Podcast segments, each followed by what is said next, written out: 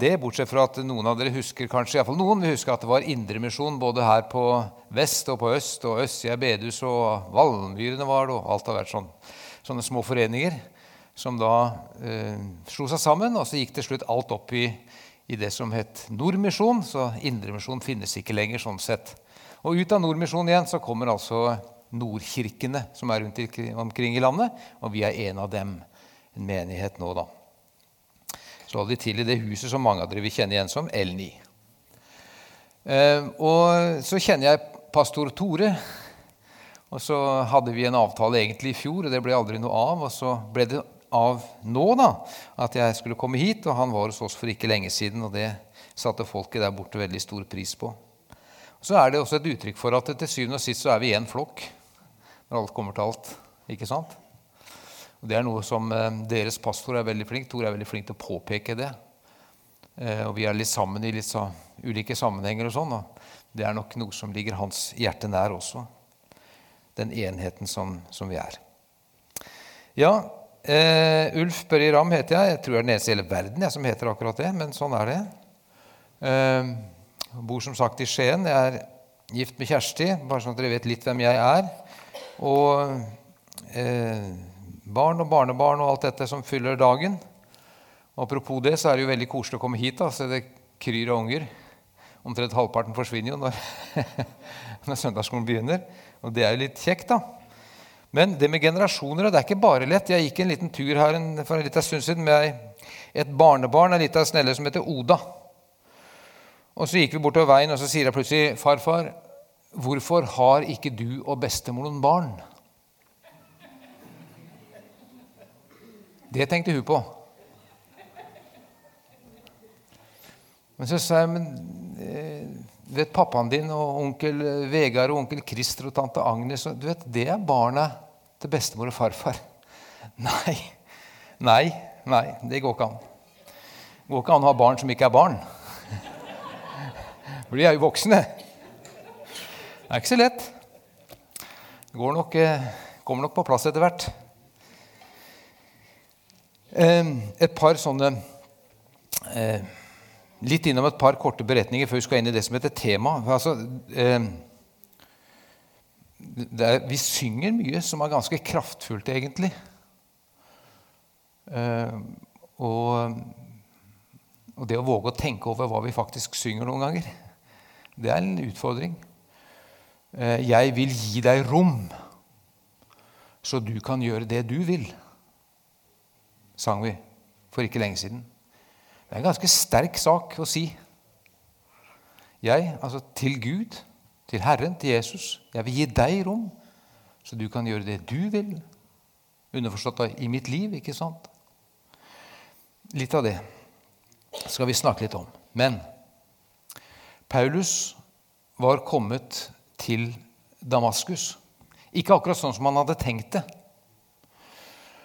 Han var jo egentlig der for å arrestere få tak i alle de som eh, var Jesus-tilhengere, og få dem med seg, fengsle dem. Han var en forfølger, ikke sant? Men noe hadde skjedd underveis. Og nå var han i Damaskus. Han var blind, han var hjelpeløs, og han ba. Gud hadde utsett han til noe helt annet enn det han holdt på med. Så er det en annen disippel der i Damaskus som heter Ananias, som får beskjed fra Gud om at du skal gå til Paulus. Um, og han protesterer. Men Gud gir seg ikke. Og Ananias må høre på ham, og han går. Og så sier i den forbindelse, ikke ta hele den men da, da, da, får, da får Ananias høre et budskap fra Gud som er litt overraskende. For han får ikke beskjed om å gå og si til Paulus at jeg skal vise Paulus, jeg skal vise ham alle de store seire han skal vinne i mitt navn. Jeg sier ikke det. Noe av det første Paulus får greie på i det hele tatt om sitt nye liv, det er dette her. Jeg vil vise ham alt det han må lide for mitt navns skyld. Det er inngangen i tjenesten for Paulus vedkommende. Lite pedagogisk, av Herren, vil vi si. Hvem ville være med på det der? Ja, men sånn var det. Det var en sånn liten historie. En liten til. Altså en ung, oppriktig, søkende mann. En rik mann. Han oppsøker Jesus med det store spørsmålet, egentlig. Hva er veien til evig liv? Og Så sier Jesus, han utfordrer han litt. sier Du kjenner budene, gjør du ikke det? Om det ene og det andre. ikke sant? Og Så svarer han, jeg har holdt alt dette her, jeg, sier han, fra han var ung. Fra jeg var ung, har jeg holdt det. I dette, denne fortellingen står både i, i, alle de tre første evangeliene og hos Mark så står det at da fikk Herren ham kjær. står det, da fikk Jesus ham kjær. Han ble begeistra for denne unge fyren. Men likevel han det er én ting som mangler. Så gå og selge alt du eier, og gi det til de fattige, og kom så og følg meg. Det gikk ikke. Da stoppa det. Så får det hele en litt sånn trist utgang. Fordi denne unge mannen han går sin vei. Hva Jesus tenkte etterpå Vi får litt innblikk i det, for så vidt. Men det er en litt sånn trist greie her. Her var det en som ikke kunne gi slipp. Det var noe som, var, som bandt han så sterkt. Eh, og Han ble utfordra på noe som han ikke greide å komme til rette med, iallfall ikke der og da og så går han sin vei. Har disse tinga noe med hverandre å gjøre? Ja, kanskje i en sum. Når vi kommer til det vi egentlig skal snakke om. Det er dumt å si, vet du. Holdt på i flere minutter. Så skal vi snart snakke om det vi egentlig skal snakke om. Men det henger litt sammen. Um, det er ikke lett for en som eier mye, å komme inn i Guds rike, sier Jesus. Det er sannelig ikke lett. Men for Gud er alt mulig legger han til. Siden sier Paulus, bare ta en liten parentes på dette, forman dem som er rik i denne verden, at de ikke må være overmodige og ikke sette sitt håp til den usikre rikdommen, men til Gud. Han som gir oss rikelig av alt for at vi skal nyte det. De skal gjøre godt, være rike på gode gjerninger, være gavmilde og dele med andre. Slik samler de seg en skatt som blir en god grunnvoll for framtiden, så de kan vinne det virkelige livet. Dette står i 1. Timotius brev. Det handler om på en måte å gi opp. Paulus ga opp alt han hadde trodd på, til fordel for dette nye som Jesus bringer. En rik og mann blir oppfordret til å gi opp det som livet hans på sett og vis hviler i det som han var fange av uten å vite det helt, nemlig sin egen rikdom. Han ble utført til å gi det opp. Det er fordel for å følge Jesus. Disiplene er vitne til denne hendelsen med den rike unge mannen. Og de blir veldig opprørt av det, av det som skjer. De kan ikke forstå helt. Og det er der det kommer inn dette med at eh, Jesus på en måte trygger dem i dette at alt er tross alt mulig for Gud. Men kanskje de blir litt usikre på alt dette her. Nå skal vi legge på et bilde, så skal vi få det som er teksten som vi leser i dag. For det, dette, Denne hendelsen med den rike unge mannen spiller direkte opp til dette her. Da tok Peter til orde og sa Hva med oss? Vi har forlatt alt og fulgt deg. Hva skal vi få? Jesus sa til dem, sannelig, jeg sier dere, når alt blir født på ny, og menneskesønnen sitter på tronen i sin herlighet, da skal også dere som har fulgt meg, sitte på tolv troner som dommere over Israels tolv stammer, og enhver som har forlatt hus eller brødre eller søstre eller far eller mor eller barn eller åkre for mitt navns skyld, skal få mange dobbelt igjen og arve evig liv.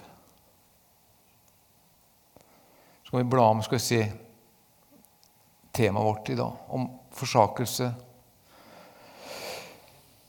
og vinning, om gevinst, om tap, om hvor verdiene egentlig ligger hen. Den store verdien. Så nå skal jeg snakke litt om det. Det er litt Jeg vet ikke om vi snakker så ofte om det. Jeg vet ikke det. Dette ordet 'forsake' det finnes ikke i Bibelen i det hele tatt. Så når jeg sier det noen ganger, så bruker jeg et ord som er beskrivende for mye av det Bibelen taler om i det å følge Jesus. Vi låner dette ordet 'forsake'. Det er et sånt gammelt ord som vi holder på å miste. Men altså å forsake, det er å gi slipp på. Det er å velge bort eller avstå. Primært så er det å avstå fra noe en har lyst på. Hvis Kjersti og jeg har avtalt at vi skal gå på Hercules, og Kjersti sier du forresten, du trenger ikke å være med, jeg ordner det sjøl, da forsaker jeg ingenting. Nei. Det er bare deilig. Å forsake noe, det er å slippe tak i noe du har lyst til, og la det fare. Da forsaker du noe. Vi kan godt si at forsakelsen på sett og vis er etterfølgelsens pris. Den som vil følge Jesus, må en eller annen eller mange ganger i livet forsake noe. Våge å slippe taket i noe av sitt eget. Til fordel for det å være i Jesu følge.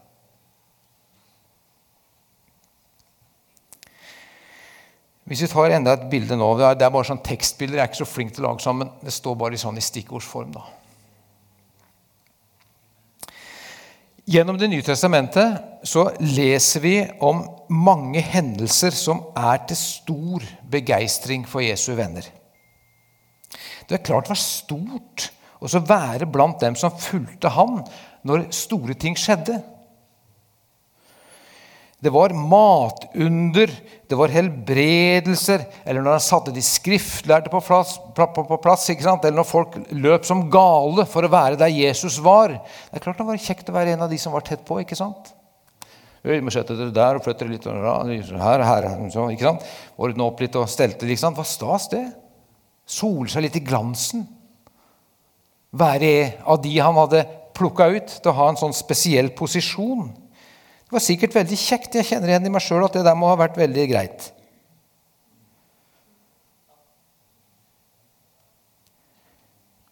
Men var det bare å surfe den gode bølja? Det å følge ham? Var det bare et privilegium? Var det bare opptur og glede? Nei, men det vet vi at det ikke var. Det var på mange måter også noe helt annet. De fikk kjenne på kroppen kostnaden av det å være tett på Jesus og det å være hans etterfølger. De måtte forsake så veldig mye. Til slutt, etter hans himmelfart og etter at deres tjeneste er i gang, når han ikke er blant dem sånn fysisk lenger, ja, så må de én etter én forsake selve livet og gi opp det.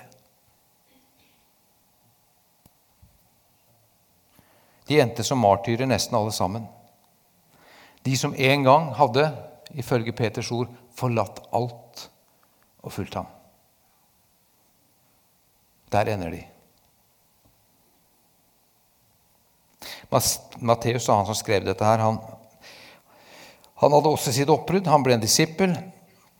Kanskje hadde ikke Matteus sjøl så mye å forlate. Han var jo han var jo et utskudd på sett og vis. Han var toller, og sånn sosialt så hadde han kanskje ikke så mye å tape på å følge Jesus. Men han hadde iallfall en jobb som kasta godt av seg. Men så er det Peter da, som, som, han viser til, som tar ordet her. Og det er en sånn porsjon av smerte, egentlig, i det, sier, nei, i det Peter sier. Litt sånn uro for hva han egentlig har gitt seg ut på. Hva skal vi få, da? Han så den unge mannen gikk, han kunne ikke være med, for han ville ikke gi slipp. Men vi som har gjort det, vi som slapp alt de hadde i hendene, gikk og fulgte deg. Hva skal vi få?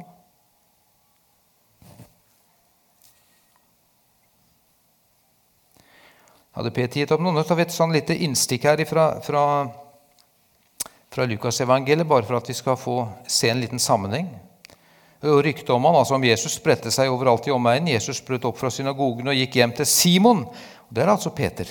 Her lå Simons svigermor syk med høy feber. og de ba Jesus hjelpe henne. Han bøyde seg over henne og truet feberen, og den slapp henne. Straks sto hun opp og stelte for dem. Det var altså vært en familie der. Peter hadde forlatt noe. Også en familie. Kanskje ikke sånn helt og holdent, men eh, det var noe annet som hadde fått et hovedfokus i livet hans. Det syns vi er rart å tenke på. Et arbeid, et hjem, et sted å leve. Vi har forlatt alt, vi, sa Alt har vi forlatt for å følge deg. Hva skal vi få?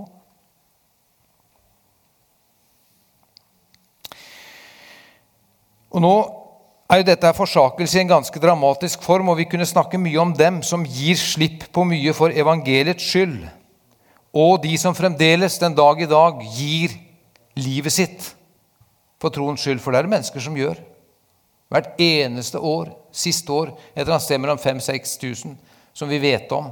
Og så er det dette berømmelige tallet, nei, ordet som heter mørketall, som sikkert er veldig store.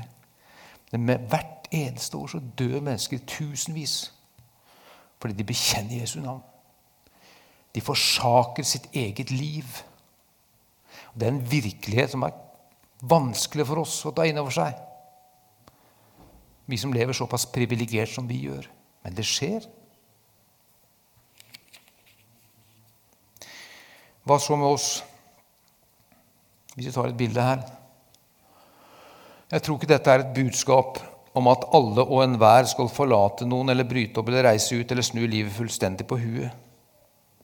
Men det jeg er ute etter, og det jeg lurer på, som jeg lurt på i mitt eget liv, og som jeg spør dere om, har det begrepet forsakelse noe plass i vår bevissthet i det hele tatt? Har det det?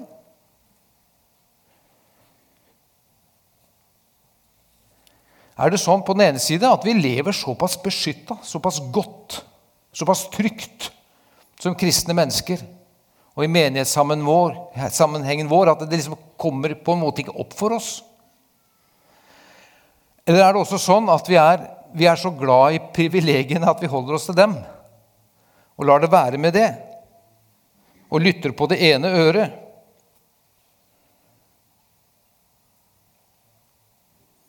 Det er nåde, og det er kjærlighet, og det er så godt, og det er så trygt, og det er så fint å ha noen å gå til, og det er fellesskapet er så fint, og så går vi hjem og så tenker vi på alt mulig annet.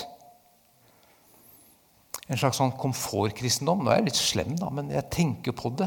Jeg tenker på det for min egen del òg. Liksom den gode kristendommen. Den som er bare pluss, pluss, pluss, pluss, pluss. Og som jeg som tar til meg rikelig av.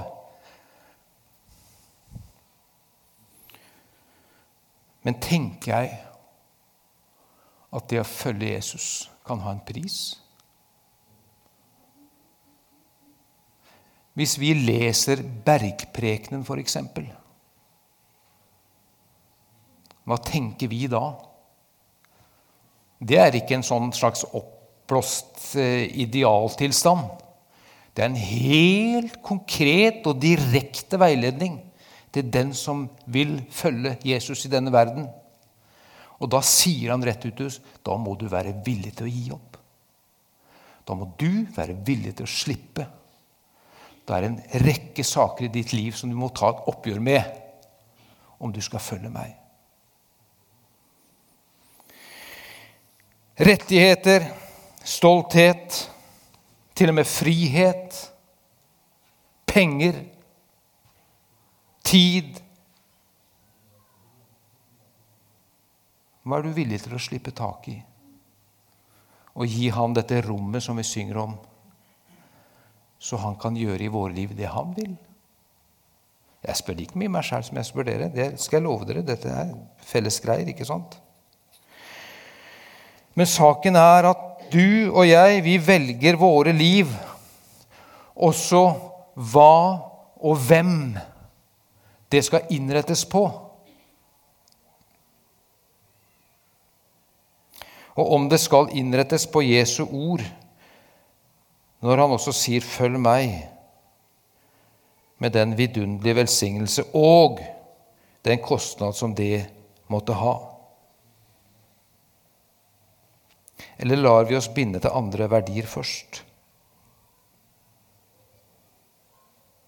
Jeg sier ikke at det er gærent å leve godt, ta imot, nyte ting som vi får oppleve i dette livet. Nei, jeg sier ikke det. Men et ord fra andre kolossebrev Nei, fra, det er ikke noe som heter. Kolossebrevet 2 heter det. Der sier Paulus dere har tatt imot Kristus Jesus som Herre. Så kommer det noen setninger. altså, Lev da i ham, vær rotfestet i ham og bygd på ham. Hold fast ved den tro dere er opplært i, med overstrømmende takk til Gud. Hva betyr det, folkens, i våre liv? Å leve i Jesus, være rotfestet i ham og være bygd på Han. Hva betyr det hvis det er min livsinnretning? Er det et eller annet som må ryke da?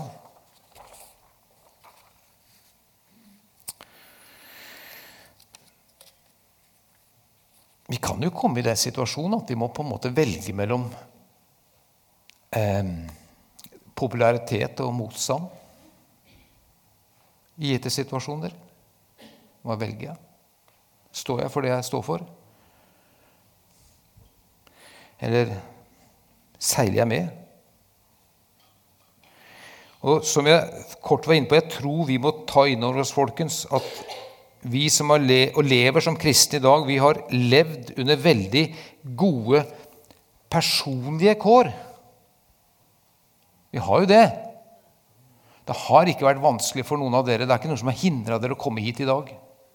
Dere har ikke fått ubehagelige meldinger på mm, et eller annet medium fordi at du er en kristen og at du skal på gudstjeneste, eller fått en trussel. Ikke sant? Det er ingen som har liksom stilt spørsmålstegn ved det når du skal inn i utdanningen din, om dette, hvem du egentlig er og hva du tror på. Du har liksom ikke måttet betale noe. Har vi vel det?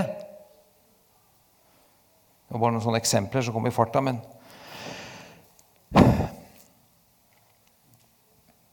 Det er ikke sikkert at det fortsetter sånn. da. Det vet vi ikke.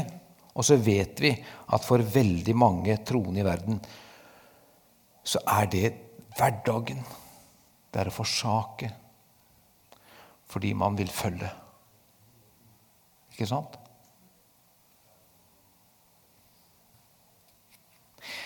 Og så kommer dette med, med, med, vinningen i dette. Nå skal vi straks lande dette her, da. Men det er jo en rød tråd i Det nye testamentet.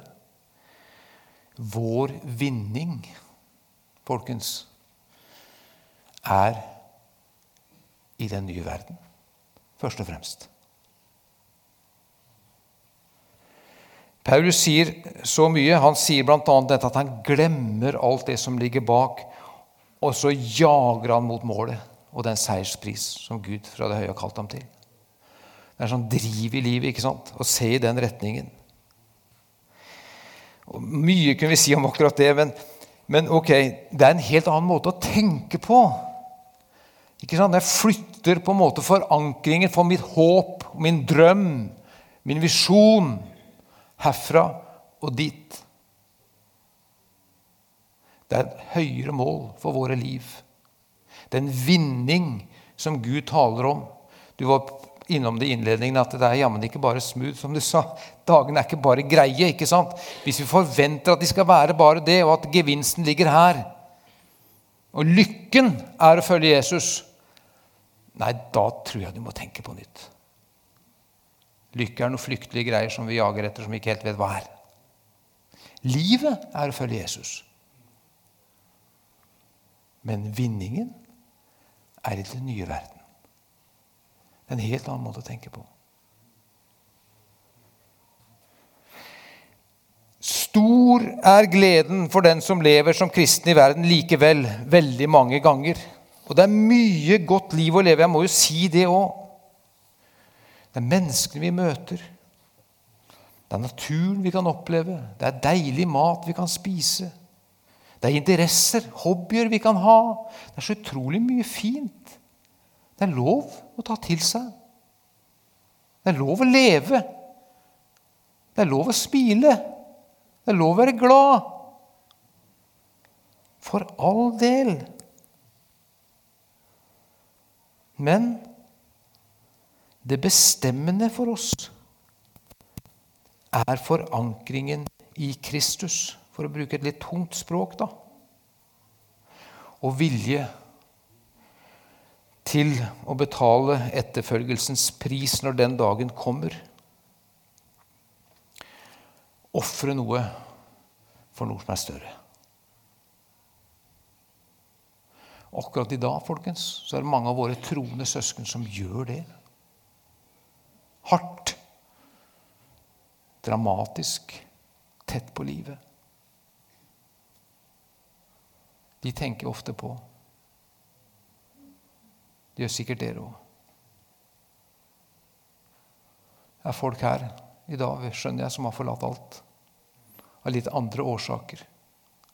Som vet hva det er å gi opp noe.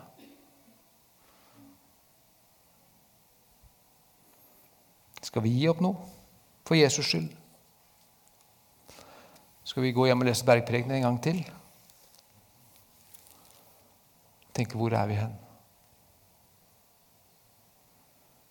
Og enhver som har forlatt hus eller brødre eller søstre eller far eller mor eller barn eller åkre for mitt navns skyld, skal få mangedobbelt igjen og arve evig liv.